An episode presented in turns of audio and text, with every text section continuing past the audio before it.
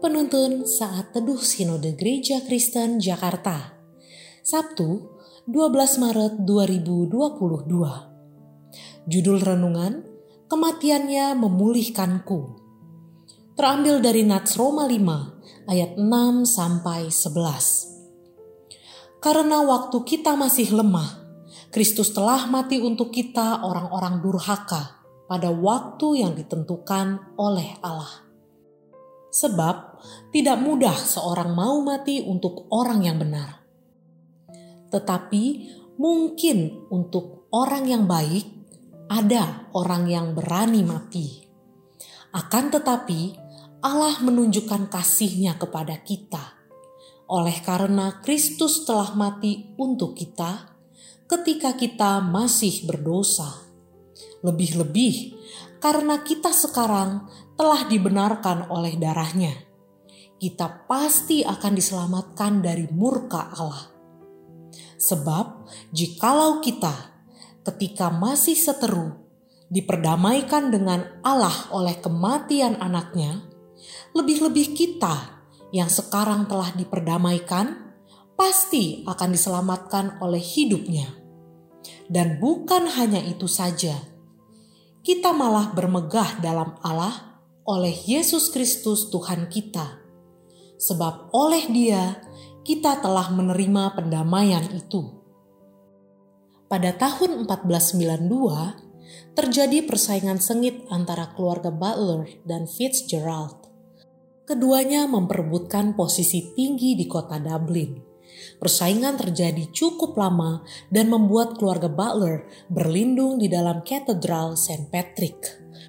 Pada akhirnya, keluarga Fitzgerald berinisiatif untuk mengadakan perdamaian. Ia mengambil kapak, melubangi pintu yang memisahkan mereka, dan mengulurkan tangannya tanda perdamaian. Uluran tangan ini diterima dan kedua keluarga tersebut saling mengampuni dan berdamai. Mereka yang awalnya seteru menjadi teman. Pintu tersebut telah menjadi tanda perdamaian bagi dua keluarga yang bertikai.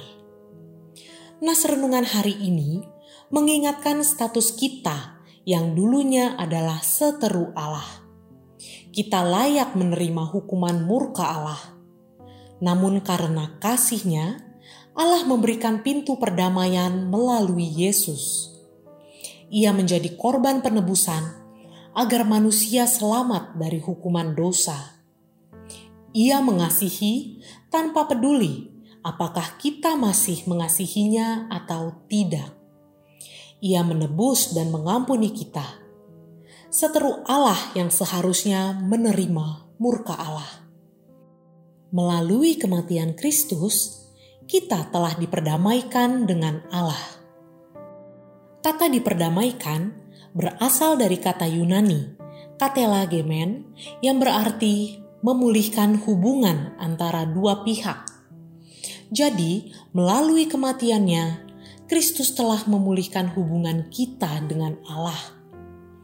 Penebusan Kristus telah mengubah status kita dari budak dosa menjadi orang merdeka, dari seteru Allah menjadi anak-anak Allah, dari orang yang pantas mati menjadi orang yang memiliki hidup dan berdamai dengan Allah. Sebagai orang yang telah mengalami pemulihan, marilah kita senantiasa bersyukur dan menghidupi anugerah penebusan yang telah diberikan kepada kita kita harus hidup sesuai status kita sebagai anak-anak Allah. Sebagai anak-anak Allah, kita mengalami pemulihan relasi dengan Allah, juga dengan sesama. Kita harus bersedia selalu diproses sebagai murid Kristus untuk mewujudkan kehendak Allah di dunia ini dan menjadi berkat bagi sesama. Kematian Kristus telah memulihkan relasi kita dengan Allah dan sesama. Terpujilah nama Tuhan.